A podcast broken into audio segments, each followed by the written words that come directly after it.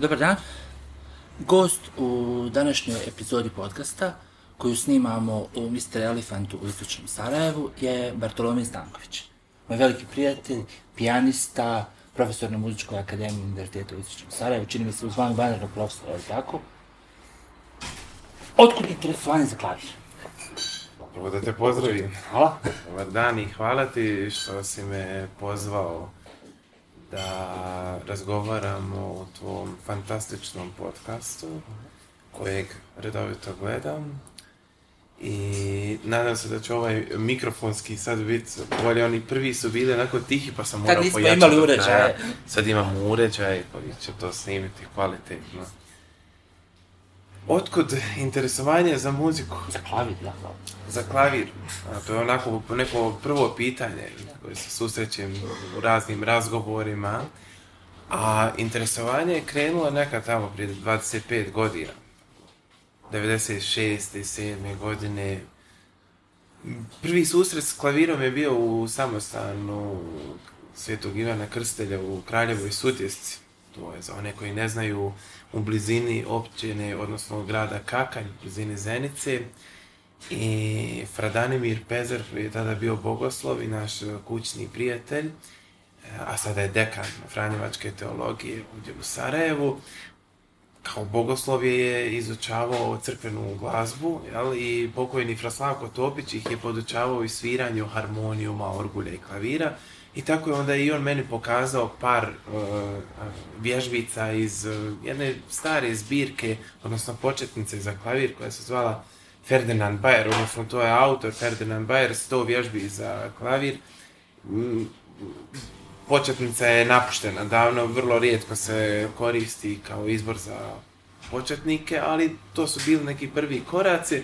To je bila zima 96. godine, ja sam tad bio još uvijek mali, ali već sljedeće godine sam negdje blizu svog rođendana, to je 6. mart 97. godine, otišao sam na svoj prvi čas klavira kod profesorke Bahrije Šabanović i onda je sve polako krenulo, upis u muzičku školu, prvi nastupi i tako linearno je išlo sve polako, to je ta ljubav prema muzici i klaviru nije došla jako naglo i onda odjedan put spala, nego je rasla i kako raste moje razumijevanje muzike, tako zapravo raste i ljubav i poštovanje prema muzici koju svira.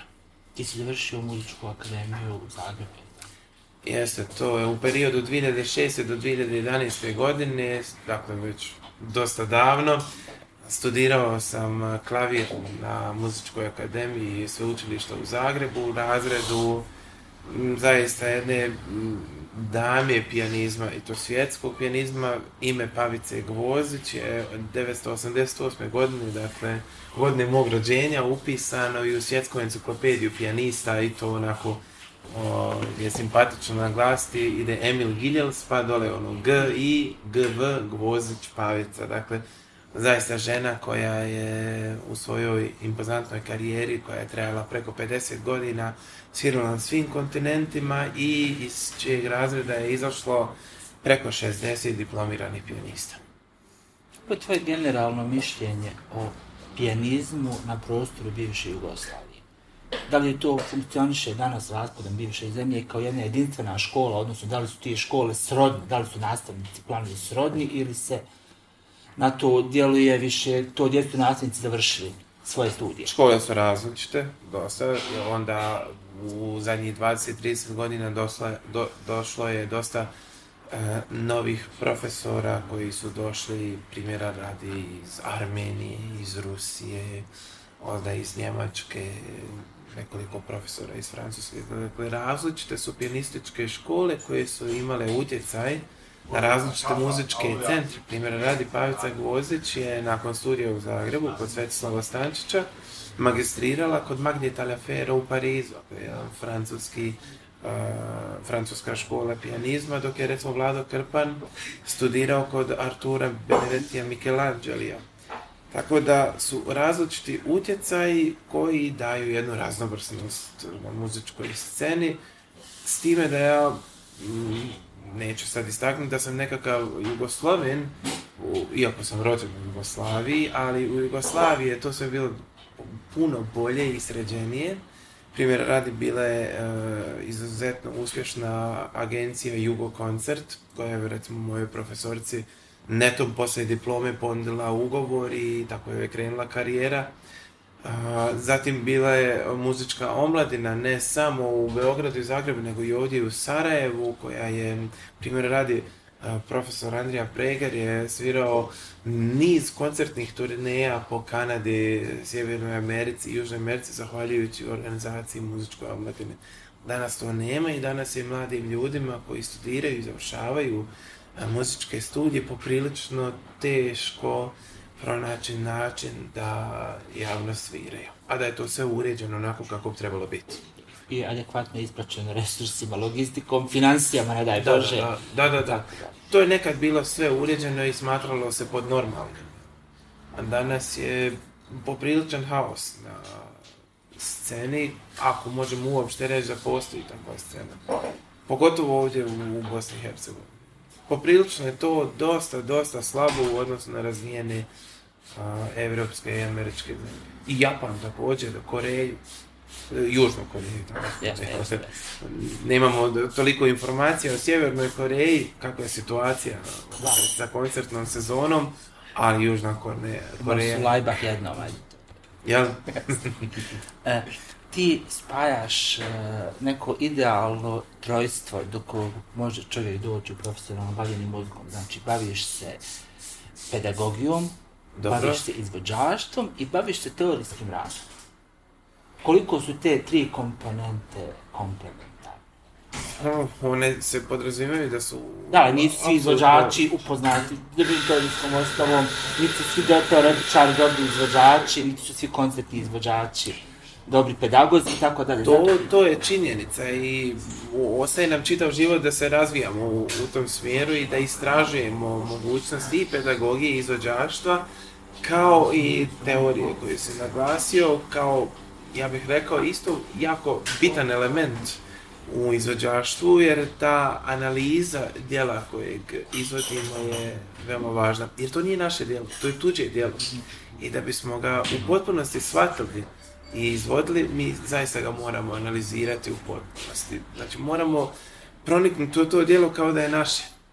A, ipak je to malo teško samo sviranjem Dakle, mora se ući malo između redova.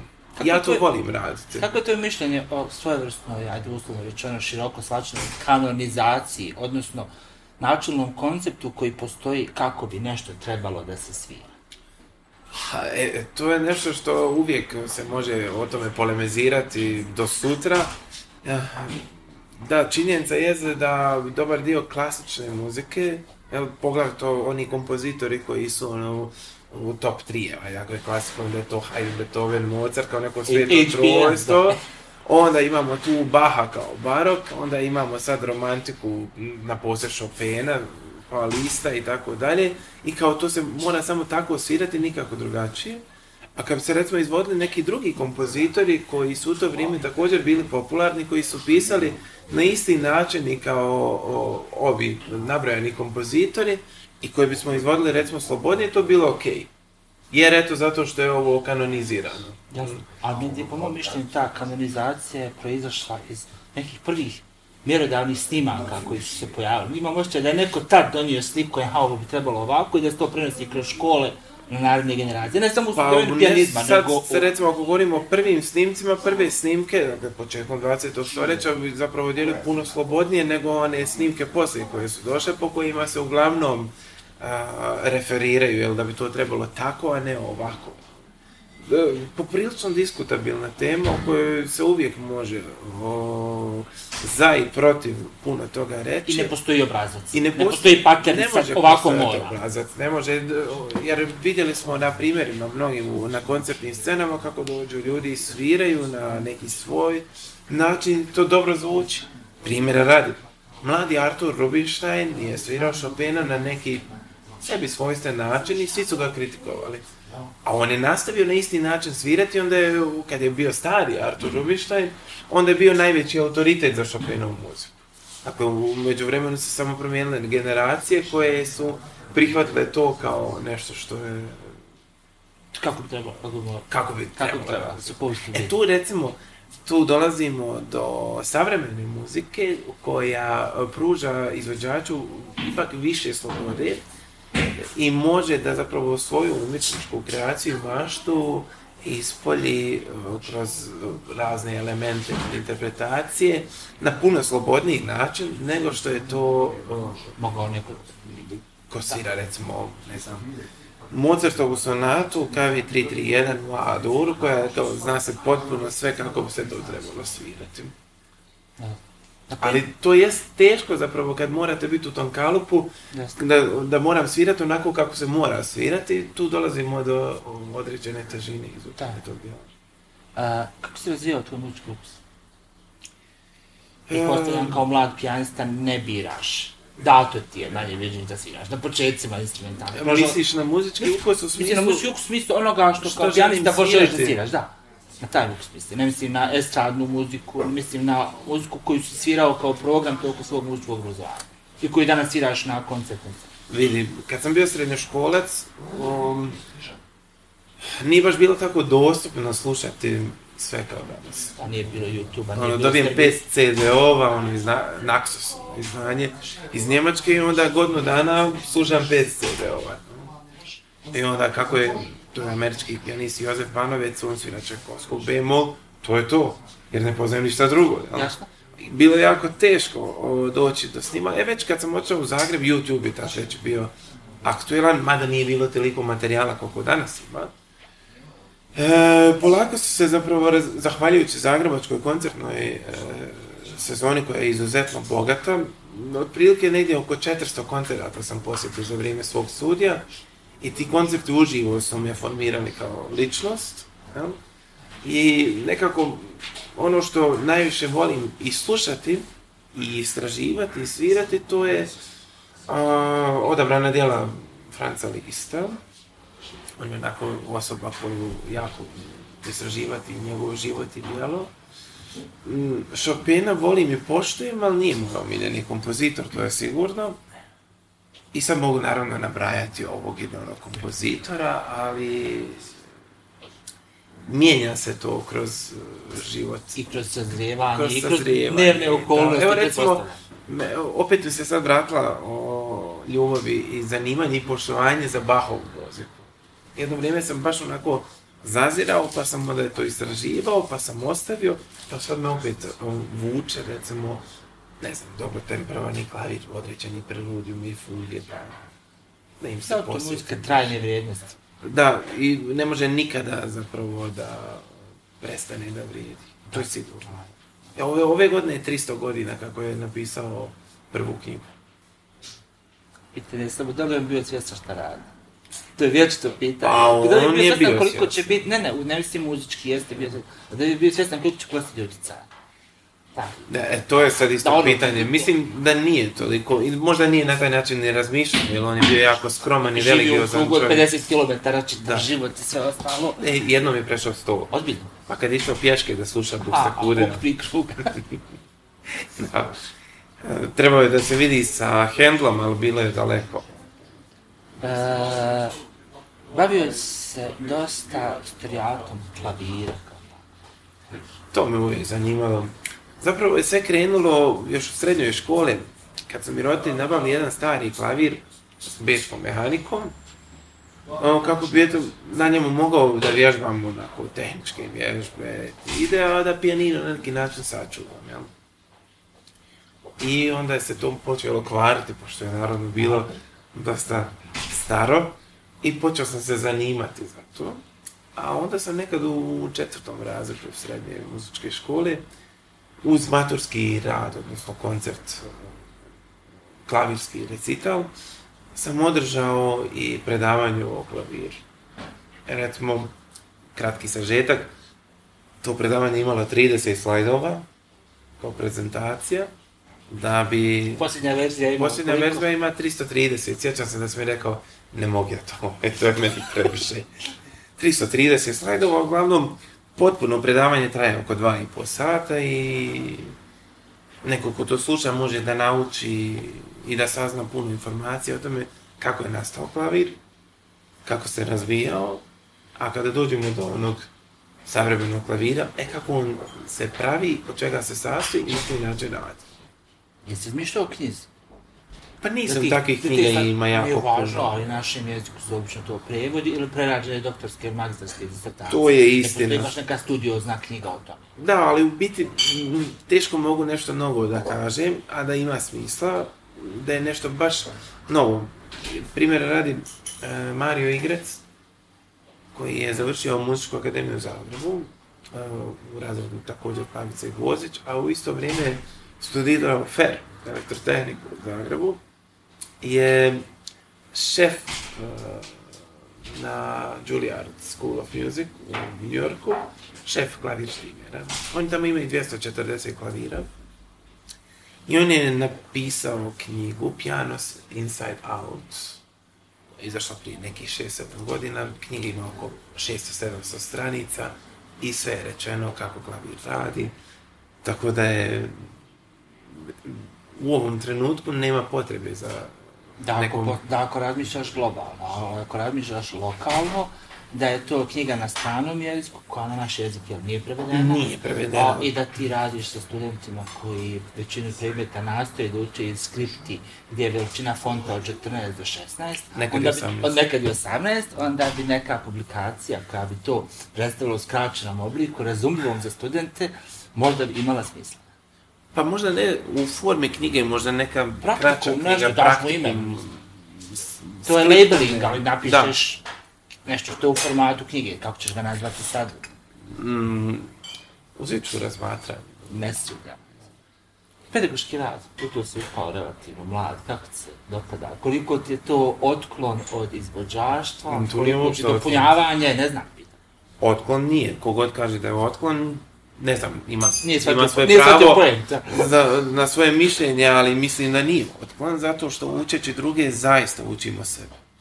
I svakim časom klavira ko se zaista potrudi da nekome nešto pokaže, on može u isto vrijeme da napreduje kao ličnost, da izučava materiju koju svira, jednostavno da u tom trenutku nešto novo sazna, pokazujući nekom drugom.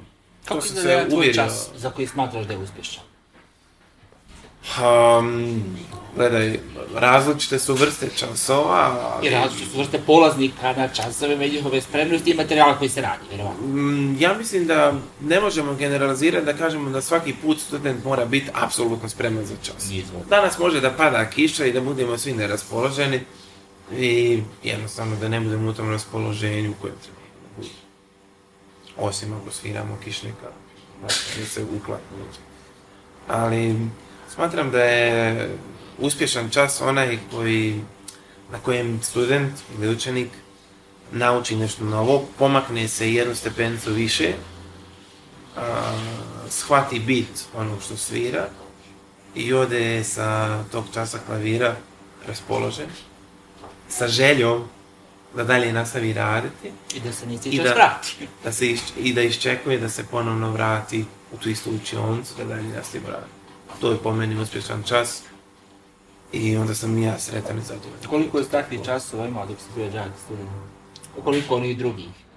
Jer bilo jednog i drugog, pretpostavljam da jeste čim si izgradio neki svoj princip, želeći da bude samo ovo prvo. Pa, proniknulo se u biti u srštog problema gdje zapravo sam prošao sam, mm, ajde da kažemo, situ i rešetku. I onda sam, vidjevši kako zapravo ne treba se ponašati, napravio upravo neki svoj okvir časa gdje smatram da sve ovako jednim opštenim, leženim razgovorom može sve riješiti. Mislim da vikanjem i raznim drugim histeričnim napadima.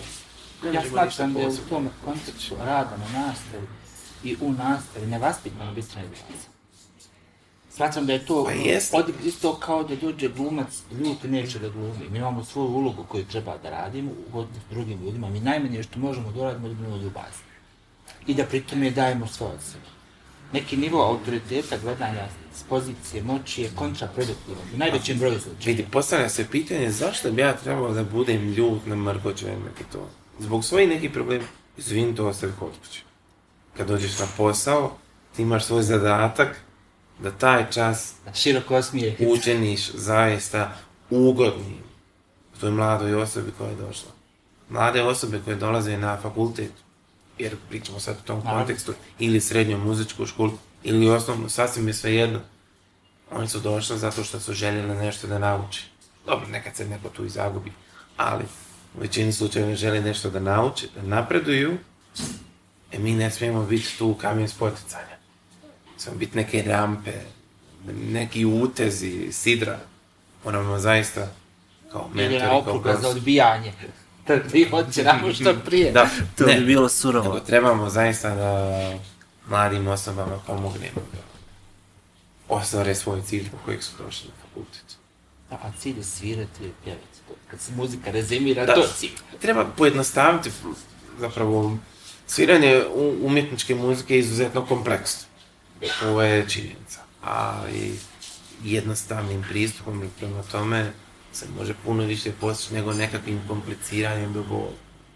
Ne mislim sad u smislu da treba se pojednostaviti svire, ne. Nego to je jedan posao koji trebamo na racionalan način obaviti i gledati kako ćemo za što manje vremena postići bolji rezultat. Ne smijemo uzalu trošiti vrijeme, mehanički svirati jer ne vodi ničemu, nego zaista iskoristiti svaki mogući trenutak kad radimo, kad vježbamo, da bude izuzetno produktivno. Ali ne može biti izuzetno produktivno ako je moja hemija unutar mog organizma potaknuto. Dakle, Trenutno sumpa, da, ono da je to sad recimo o, grč neki, da jedva čekam da odem, da se osjećam grozno i tako. Ili da druga strana jedva čeka, da će više završiti. Da, da, da, da. Jasno, mora imati... Mora biti jedna lijepa radna sebe, simbioza radna sebe. Koliko je opšte obrazovanje bitno za bavljenje ta neka širina ličnosti koja odvaja široko obrazovanog intelektualca, umjetnika od recimo sociološkog termina fahidijeta, koji zna da radi samo jednu stvar, koliko je I koliko obaveza, obaveze tipa vježbanje to ostavi prostora za sticanje uopšte obrazovanja? Ma vidi, to pitanje zapravo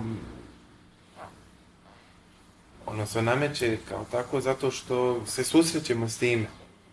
I nije ono bez ono je zaista Zato što je to problem. Znaš što te pitam. Dobro, tako da. Da, vidi. Ja mislim da je izuzetno važno. Izuzetno važno i ja primjer radi iz listovog života. Piše jednom svom prijatelju, to su bili početak 830 i pred njegovom veliku turneju. E, kako svaki dan radi po 4-5 sati za klavirom, tehničke vježbe, trilere, sekste, oktave, tako dalje.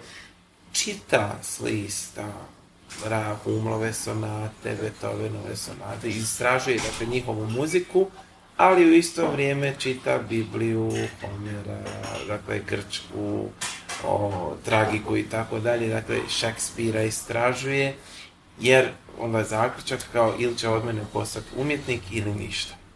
Pa mislim da je koliko je važno istraživati za klavirom sve ono što je važno, što su elementi interpretacije i izrađivati tehnički e, dijela koja sviramo, toliko je važno biti obrazovana osoba. Jer šta ću ja ponuditi za tim klavirom drugim ljudima ukoliko ja nemam to obrazovanje? Mislim da je to nerazdvojivo i samo ako se osvrdima, a pošto to istražuje na predmetu istorije teorije pijanizma, koliko su pijanisti u 20. stoljeću i krajem 19. dakle kad su se razvojili zapravo pijanisti od e, kompozitora. A dobar dio 19. stoljeća je to bila simbioza u jednom čovjeku. Dakle, bio je i ono, znači, izvođač i, i, kreator. i kreator.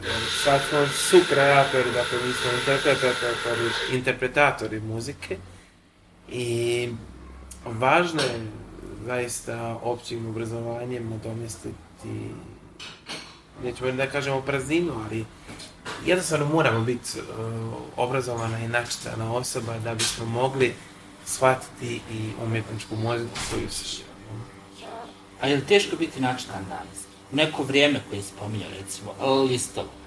Znalo se šta su klasici, šta je Biblija, šta se čita. Danas ima milion pisaca koji se nameću kao uslovno klasika, koji u velikoj mjeri nam školska lektira ili ih dobijemo u neko vrijeme kad nam nije podesno da ih čitamo, kad ih ne razumijemo u potpunosti, a s druge strane ima čitava scena fenomenalnih pisaca koji su savremeni, koji su naše generacije, koji pišu prozu, poeziju, teorijska djela, razne filozofske koncepte. Koliko je teško danas naći put kroz sve to.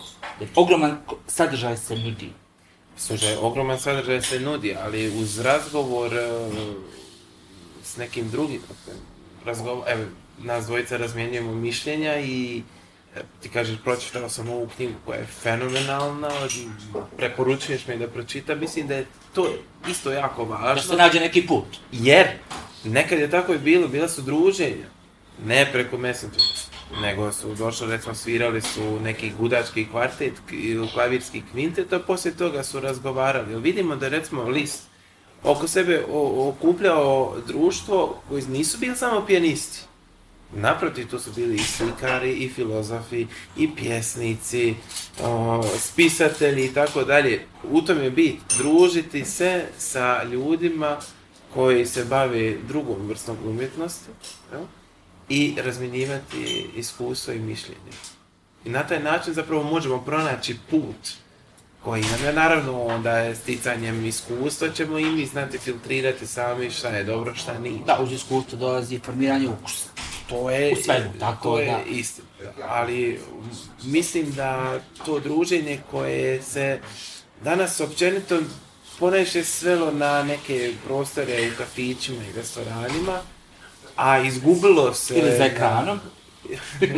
a izgubilo je se na koncertnim dešavanjima, na izložbama, na književnim večerima.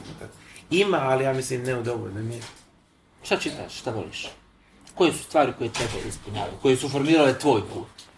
Dobro, u, u, zadnje vrijeme sam dosta se posvetio nekom, e, kako to, resetiranju svojih e, predavanja, pa sam dosta počeo čitati ono što sam već davno čitao, a vezano je uglavnom za istoriju pijanizma, dakle jako puno knjiga koje su vezane za istoriju muzike, za živote kompozitora, pijanista i, toga, a volim dosta čitati e, knjige koje su vezane za psihologiju ličnosti, alternativnu psihologiju. To mi je jako interesantno.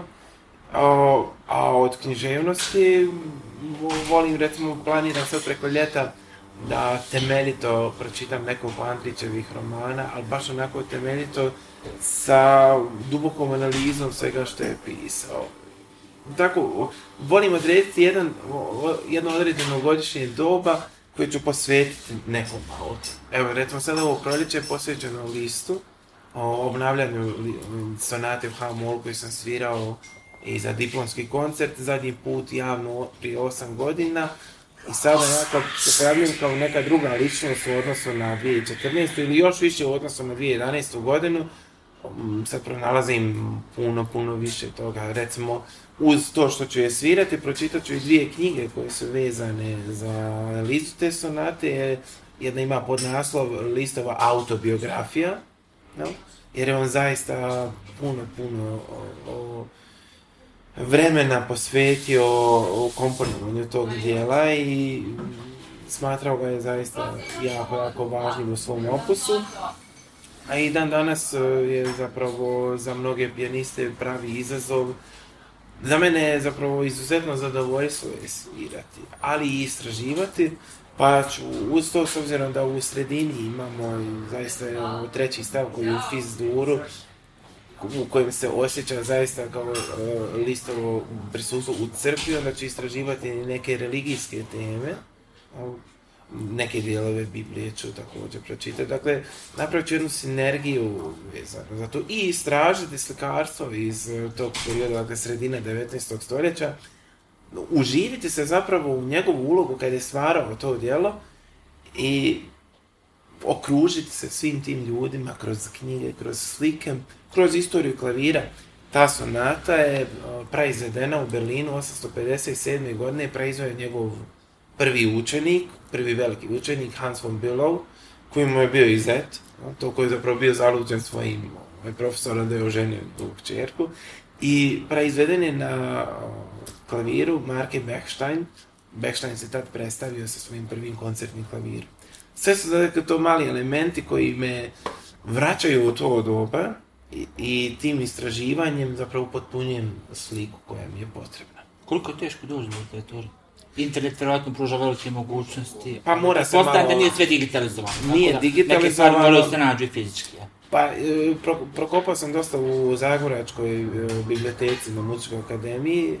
Uh, ovdje sam isto, recimo, profesor Šobajić isto napisao knjigu vezano Hmm? Ja, slušanje zamišljeno. onda je također vezano za listovo što List stvaravac, to je isto sjajna knjiga.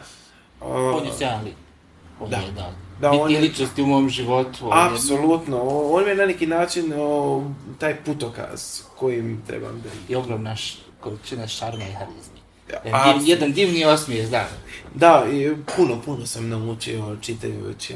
Vađe stvarno ište Tako da, e, e, to je taj neki mm, pristup dijelu koji mene onda ispunjava i onda ne možem biti dosad. Mogu, dakle, čitav dan da se posjetim tome i da zapravo na kraju dana budem sretan što sam ispunio I onda voziš O, pa Vespa je sad aprilna preko ljeta. To, to je nešto što je i također došlo onako nenadano u život i upoznao sam također jako puno divnih ljudi, recimo gospodin Milivoj iz Novog Sada koji je predsjednik Vespa kluba Novi Sad, ali je u jednom izvjesnom periodu svog života bio i generalni zastupnik za kava i klavire. Pa onda smo na jednom Vespa susretu u Banjoj Luci samo o klavirima pričali. Onda su ljudi rekli kao polako, ovo Vespa susret, nisu klaviri. To je čudna korelacija, Yamaha motor, Yamaha gitare, Yamaha klavir.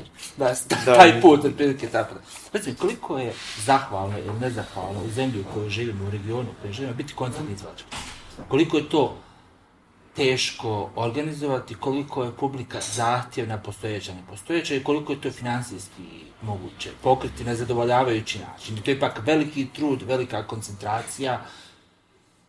Sve u svemu, kakvo je trenutno stanje? Pošto znam da si aktivno uključen u koncentraciju. Postavio si mi 14 pitanja. Ja sam baš lakše tako nego da te sam svađu. Ali ajde, općenito ću nekako odgovoriti da... A ne znam.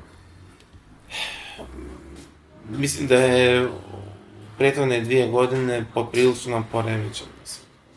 Ne samo ovdje. A prije što imalo savršeno, ja? Sve je bilo savršeno u, u da, najboljem ono u redu. prije toga sam bio savršen.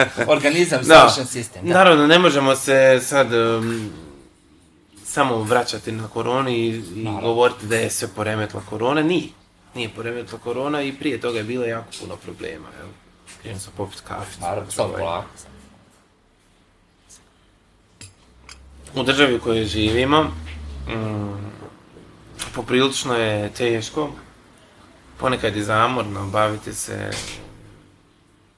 izvođačkom djelatnošću, gdje vrlo često je, ti piješ ovo je NES, jel tako? Tri u jedan? Milk. Milka, Da. da, a u biti, kad govorimo o čemu sad pričamo, vrlo često sam se osjećao da sam NES šest u jedan, jel? Dakle, i organizator, i sam sebi menadžer, pa onda tu treba i vježbati, pa onda malo, malo, svirati, pa da, se čovjek i onda ostane malo vremena ili malo energije da bi se time onda bavio, a mora da se bavi. E sada, to donosi neki određeni rezultat. Ja sam zapravo u posljednjih deset godina koliko sam zapravo, evo, ove godine u, u junu, evo sad, za desetak, 15 dana će biti 10 godina kako sam se vratio sa studija u Bosnu i Hercegovinu i odmah sam započeo. Te godine sam, prvi koncert je bio u Visokom, na Visočkom ljetu, jel? Zvao se koncert DBC u Visokom, jel? I mi smo izvezali zapravo program koji se sigurno nikad nije čuo u Visokom. Kolega Isa Haračić, violončelista, je u, mojoj, u s mojom pratnjom izveo sonatu za violončelo, potom Branko Mlikota na klarinetu izvao nekoliko prerada klertelu... Onda Melika Buza je tada još bila učenica, sada je magistrant na, kako se već zove, Akademiju u Gracu, isto svira klavir, a sam svirao svitu perla piano, tako da je, bilo zaista interesantno tim ljudima koji su došli da poslušaju muziku koju nisu imali prilike u visokom prviču, prvi, odnosno prije čuti. I takvih koncerata sam održao više desetina, ne samo u malim, nego u velikim gradovima. I ponekad je to bilo izuzetno teško, a ponekad je kao nagrada za taj uloženi trud bilo da sam došao kao gospodin. Samo sjeo za klavir i odsvirao i pritom bili i plaćeno. I čak, plaćeno. Da, teško je, mislim da se može, pogotovo kad se mlad uđe u, tu problematiku. Meni sad ne bi bio problem nikakav organizirati bilo gdje koncert, samo da sam tu. Teško mi je, na primjer, da sam tu, a da sad treba organizirati koncert, ne znam, u Pragu, u Češkoj, jel? Ali da sam tamo u Pragu, ne bi mi bio toliko problem ali kako starimo i sazrijevamo, onda zapravo shvaćamo da to oduzma jako puno vremena, a da nam ostane malo vremena za istraživanje muzike, odnosno pripremanje za taj javni nastup. jedini način da se to balansira je okupiti oko sebe neku ekipu koja će ono, pomoći, ali onda tu ekipu treba i platiti, tako da je onda ima tu dosta faktora, treba o, zatvoriti financijsku konstrukciju, treba osmisliti. Marketing je jako važan. Jako je važan marketing. Da, a danas jako su, čudni su marketinški. Vrlo, jer algoritmi ti na, netu određuju kako će biti popularno, a u fizičkom svijetu nikad ne znaš kako će se nešto rešiti.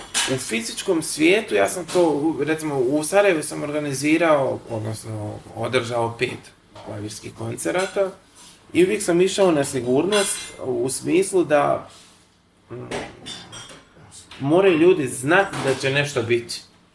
Tako smo mi uglavnom za te koncerte lijepili po 250 plakata. Što ispadne plakat po čovjeku, koji jer kapacitet doma oružanih snaga je 250. Ali uloženi trud u marketing se uvijek isplatio, jer u svih tih pet e, koncerata koji su održani u Dom oružanih snaga se tražila stolica više. Ali su pripreme nekad bile po dva mjeseca. Jako je teško je bilo fizički to sve stići. U jednom dijelu dana se baviti marketingom, e, financiranjem, u drugom dijelu dana vježbati program. Ali ako se output isplatio, onda je to okej. Pa isplatio se zato što je to donijelo onda neke nove koncerte, neke um, nove mogućnosti. Kontakte, reference. Kontakte i u biti ono što je možda najveći produkt svih tih koncertnih e, aktivnosti koje su prehodile jesu tri CD albuma koja su onda nastale u prethodnih pet godina. I to je onda nešto trajno što će ostati, evo, i narednim generacijama. Je li ikad bilo situacija da se u nekom koncertnom okruženju osjetiš kao pauza. Da te neko angažuje onako, da popuniš prostor među dva izvođača. Čekaj, u koncertnom okruženju Ko, U bilo kakvom, e, promocija, prezentacija, ne daj Bože, politički događaj ili nešto tako. Ma naravno da jeste, zaista sam svirao na različitim e, događajima, ili kako popularno se kaže, ovaj, event. Event, da. Da, crveni tepisi, o, da, da, ogradice, sve. Mm. Pa sad, nisam se nešto naročito loše osjećao, pogotovo ako je bila ova D kolona, ova skuplja, jel ta Znači imaš mehanizam zaštite baziran mehanizam na kolonama, zaštite baziran na kolonama, pa ko voli neki izvor, jel? Tako, mislim, svirao sam od likovnih izložbi, e, promocija knjiga, e, predstavljanje Audija A8. Svirao sam tik pored Audija. Nisu nudili primjerak? Audi ne, a fin, jedan e, ovako džeparac koji sam koristio razne svrhe, ali iskreno ja ne volim to svirati jer uglavnom ljudi dolaze zbog nečeg drugog, a ne da bi slušali muziku. No? I onda ta muzika zaista po, postane kao ispunjavanje ono, pauze. No? ali nastoji mita da, da ono, kad već sam tu i kad sviram, možda ipak tamo ima neko ko će to slušati i kome će uljepšati dan.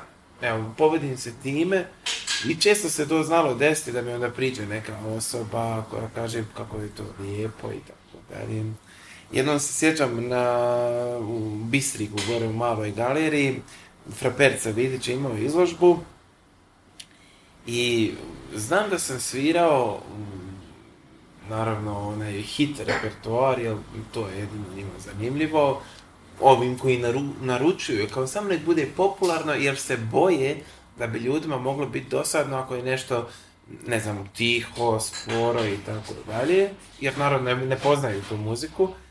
I onda sam svirao turski marš i došla jedna gospođa poslije i rekla joj, falio je prvi i drugi stav. I to je bilo meni sjajno. To divno. Dakle, da. gospođa... Da ga posmatra kao komar kao, nego kao dio veće cijeline. Što i jeste, Tako da uvijek ti ima, mislim, nekad su me takvi nastupi doveli do nekih značajnijih stvari u životu. Neću nikad zaboraviti 2006. godine um, sam u Kraljevoj sucesti na likovnoj koloniji svirao na jednom starom pijaninu i slušao me pokojni Krunoslav Sigović koji se eto zatekao tu, mislim da je on tad bio počasni konzul Republike Hrvatske, pa je on došao da otvori tu izložbu. njemu je se to svidjelo i mm, on je dao svoju preporuku. Ja sam taman tad e, se spremao za premiju u Zagreb, imao sam, ajde kažemo, pismo preporuku i kao nekad što je bilo, od izuzetnog značaja, a ipak je gospodin Cigoj u vrijeme kad je bio opetni prvak, zaista bilo jedno veliko ime.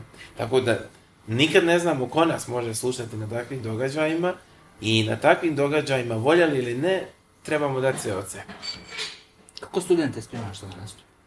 Kakve savjete im daješ? Kako ih motiviše da što bolje prebrde izlazak na kabinu, Pogotovo ako nisu bogati iskustvom u tom Pa dobro, što, što, se toga tiče, nisam nija bogat iskustvom, radim sa studentima, iako sam ja u pedagogiji već više od 13-14 e, godina.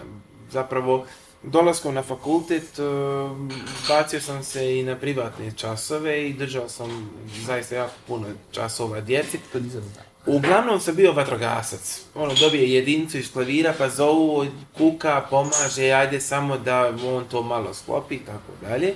Ali nema veze, meni je to bilo stjecanje iskustva. U Veroni sam također radio malo sa djecom, onako istraživao sam te mogućnosti, što je bilo teže, jer sam onda na engleskom jeziku, to sam morao ovaj, predstaviti. Dolaskom u Bosnu i Hercegovinu sam nastavio što privatno rad sa đacima, posljednje 4-5 godine više to ne radim, jer sam se posvetio i vlastitom istraživanju i pedagogiji na fakultetu.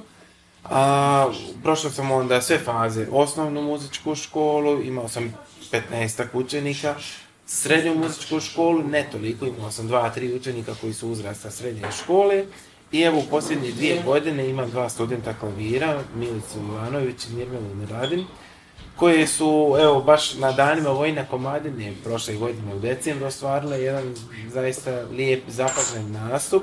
Svirale su solistički dijela domaćih kompozitora. Milce svirala Vojslava Ivanovića, ako je diptih e, Atlante i Tokatu za klavir koju je napisao kao za prijemni ispit na Muzičku akademiju u Sarajevu. A Nirmela je svirala ples barunice, to je zapravo izvadak iz e, jednog baleta koje je napisao hrvatski kompozitor Frano Pavić i poslije su onda svirale mm, Paso Sempio od e, Ive Josipovića za klavir četvororučno. I zaista sam... Ivo Josipović? Ivo Josipović, predsjednik... I, Republike Hrvatske. Da, da, Ivo Josipović, Jeste i kompozitor, naravno, profesor na Močkoj akademiji i pravnom fakultetu, koji ima zaista divnih savremenih kompozicija za klavir.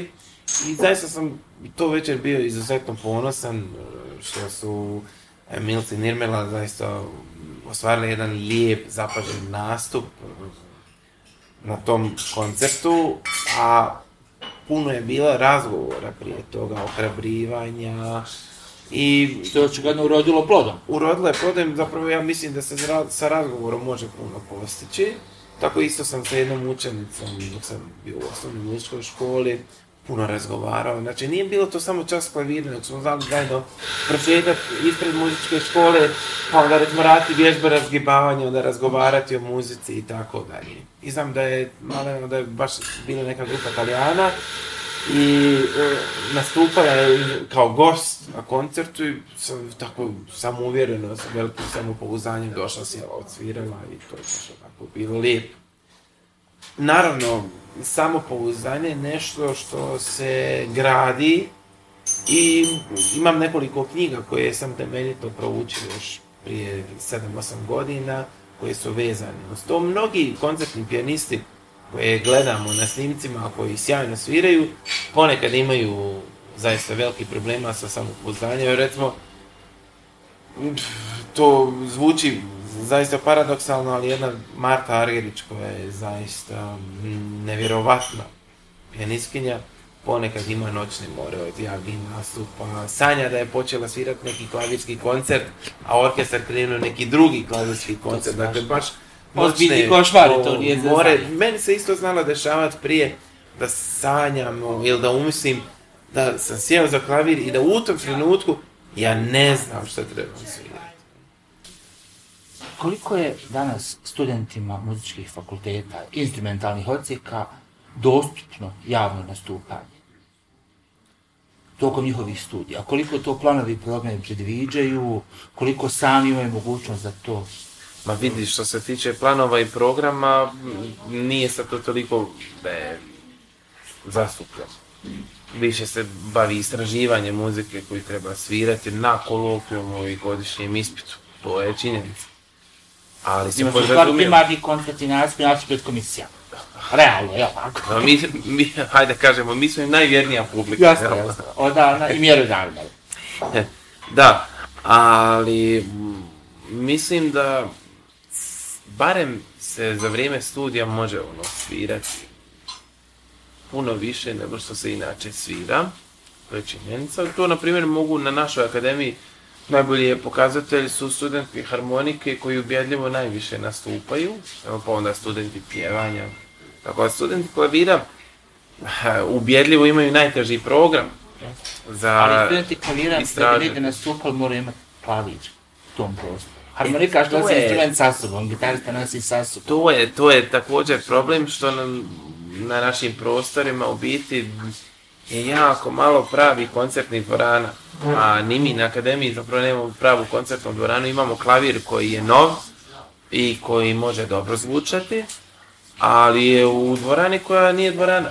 I imamo problem.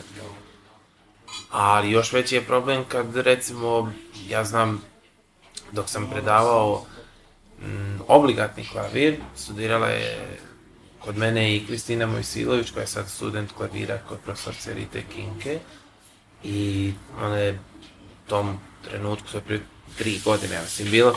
svirala Rahmanjinov je preludijom Cismolu i bio je poziv da se nastupa u Višegradu, dani bibliotekarca ili tako nešto. I onda je Kristina svirala e, preludijom Rahmanjinovljev na stage pijanu, na onoj e, plastičnoj pedala, ona dole koja se pomicala cijelo vrijeme. Ima sa stolnjakom, otprilike znam kolegi koja ima slična iskustva na sličnom događaju. Da, i to... U sličnom mjestu. Nije to to. to blizu to, to je ovo nikako. Da, i to je, to je problematika koja je prisutna, gdje su uglavnom ili neka loša pijanina, ili loši klaviri, ili su to klavinove. Dakle, instrumenti kao instrumenti su nedostatni. Ali evo, primjer radim na akademiji našo, imamo taj klavir koji je takav kakav jeste i dvorana je takva kakva jeste. Ali fali samo, ja bih rekao, malčice entuzijazma i volje od samih studenta koji se recimo mogu okupiti i da kažu, ok, recimo... Danas imamo 40 minuta, sviramo 40 minuta. Zadnji, petak u mjesecu ćemo mi svirati, napravit ćemo, ne znam, um, Klavirsko večer. Mi smo to četvrtkom da Evo, četvrtkom. Od 30 do 60 minuta koliko ima. Da, i onda bi možda i motivacija veća. Ja, ja, na primjer, ja sam puno puta rekao studentima, tu sam na raspolaganju da pomognem sve, ali ne mogu se vas svirati. Tako da, mm, ajde kažemo koliko ima odgovornosti od strane samog sistema, dakle, akademije, predmetnih profesora, toliko je odgovornosti na samom studentu. Ja sam, na primjer, želio svirati. I imao sam zapravo profesora kojem je ipak bilo važnije ovaj godišnji ispit da sve to bude t, t, t, t, a ja sam zapravo od same prve godine želio nastupati i ubacio sam se u tu grupu studenta koji su stalno nastupali ne za sad tačnom brojku, ali između 70 i 100 nastupa za vrijeme studija je jedan lijep broj nastupa što pojedinačni, sto solo koncerata, što dva, tri e, nastupa s orkestrom. Dakle, to je mene izgradilo kao ličnost. 10% ukupnog vremena koje je spravio na studiju. Koliko? 10%, koliko ti sve puta četiri, pa, pa recimo, 10%, znači, to, to je ozbiljno vrijeme, da. To je ozbiljno vrijeme koje je mene izgradilo kao ličnost i usmjerilo u tome da kad sam nast završio studij, nastavio sam nastupati malo sam šlampao po tom pitanju, nemam sad onu evidenciju, nastupao tu, tu, tu, tu, tu. Znam naravno sve svoje solističke koncerte gdje sam i svirao, kada i s kojim programom, ali ne sad i svaki nastup, je sam svirao, ali to su već trocifrene brojke koje su za mene i... Imao si ozbiljne stvari da pišeš biografiju, pa nisi morao da skupljaš sve te sitne konoviće. Pa nisam, nisam to nastupao, ipak ima nešto što se podrazumijeva da je referentna vrijednost, a ovo sporedno, ok, svirao sam primjera radi pred hiljadu ljudi na otvorenju jednog kulturnog centra u Visokom, ali to je sporedni nastup. Ja sam tu došao od, kulturnog centra, ti si. Ja sam tu odsvirao dvije kompozicije, to što je bilo hiljadu ljudi, bilo je hiljadu ljudi, ali meni je puno veća referentna vrijednost što sam recimo u Banskom dvoru u Banjoj Lutio svirao solistički recital sa odabranim dijelima tada bosansko-hercegovičkih kompozitora. Ili što sam šest godina prije u Domu snaga u Sarajevu svirao kombinaciju listove sonate i musorske slike s izložbe između dvije kompozicije domaćih autora. Pomenuo si domaće autore, tvoja tri cd kojima je već bilo riječi tokom razgovora, zasnovana su na kompozicijama autora koji su iz Bosne i Koji su u nekom dijapazonu od vijek i pol zadnje prilike, tako? Pa nije samo iz Bosne i Hercegovine, evo Komadna je rođena u Karlu. Dobro, ako, ali koji su umjetnički djelovali u Bosni i Hercegovini, većina um- kompozitora inače nije rođena dugo pa su umjetnički djelovali u BiH, generalno. Upravo tako, dakle imamo dvije grupe kompozitora, oni koji su rođeni i djelovali ili djeluju u Bosni i Hercegovini. Kazni ovdje i ostali. Pa neko je došao po kazni, priba Papadopulo, neko, neko, neko se zaljubio, tako da različite su okolnosti zbog kojih su određeni kompozitori došli posle. Kako praviš e, selekciju? selekciju pravim... da nisi uzeo sve. Nisam uzeo sve i ima jako puno kompozicija koje su ostale mimo ovog izbora koje sam ja napravio. Na ta tri CD-a snimljena su dijela e, ukupno 33 bosansko-hercegovačka kompozitora. Sad malo igra brojki, ali 3 mhm. 33. Preko tri sata muzike je tu snimljeno. Ja ću u opisu YouTube videa staviti linkove. Može. Spotify, Deezer, pretpostavljam. Imam zapravo izdavač Nota Bene Music okay, iz Zagreba. linkove sve koje bude mogao naći, znači to ja ću osim, opisu ko bude zainteresovan moći sve. Tako je, osim fizičkog izdanja, albumi su postavljeni na svim digitalnim platformama koje se danas koriste i to je nešto što je budućnost. Jel mi to ili ne, ja bi možda... Sad sadašnji, već je sadašnjost. Da, već je sadašnji, ja bi možda bio sretan da je to na ploči. Ali ko će sad slušat ploču? Da. To jako malo ljudi ima gramofon. Izbor je zapravo jedan dugogodišnji proces. Jer ja sam počeo sa istraživanjem domaće muzike, odnosno domaćeg stvaralaštva još za vrijeme studija kada sam odabran uz e, druge studente klavira da učestvujem u HR projektu kojeg je e, osnovala profesorka Katarina Krpan koja je ostvarila izuzetan, izuzetan e, utjecaj u Hrvatskoj i zapravo i u čitavom regionu istraživanjem i interpretiranjem savremenog umjetničkog stvaralaštva za klavir i tako počelo je to sve prije desetak godina da bi evo 2016. godine u Sarajevu i par mjeseci prije toga u Goraždu predstavio taj koncert koji je nazvan Balkan Madness prema isto imenoj kompoziciji Samira je bosansko kompozitora mlađe generacije i na tom prvom albumu je deset ukupno kompozitora pet ih je živući, pet e, nije stari kompozitori poput Vojna Komadini, Milana prepanda Milana i Josipa Magdića, a od novih, odnosno živućih kompozitora su Samir Fejzić, e, Dražan Kosorić, David Mastikosa, Asim Horozić i Ardaš I u biti na tom prvom CD-u je jedan kolaž svega i svačega. I žanrovski, i, žanrovski, i tematski, stilski, sve. Znači sve je zastupljeno. Da bi onda na drugom albumu koji se nazvao Voyage ili Voyage, francuskom, sam krenuo kroz jednu istoriju pijanizma na području Bosne i Hercegovine. I prvi kompozitor je Franciscus Bosinensis.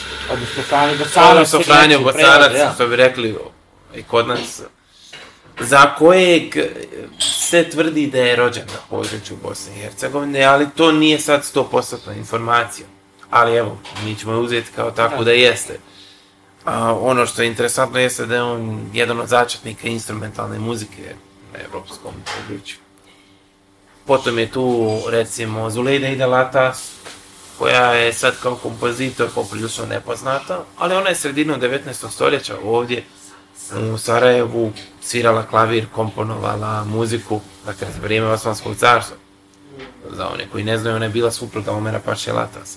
I onda je od njega pobjegla u Pariz i onda je u Londonu 855. objavila kompoziciju koju sam snimio. I onda dalje ide, jako je da Milena Mrazović, Prenzberger, koja je održala prvi koncert umjetničke muzike ikada na području Bosne i Hercegovine 31. maja 1881. godine u Banjoj Luci. Pola godine poslije će biti otvoren dom oficira i tu će biti održan drugi koncert.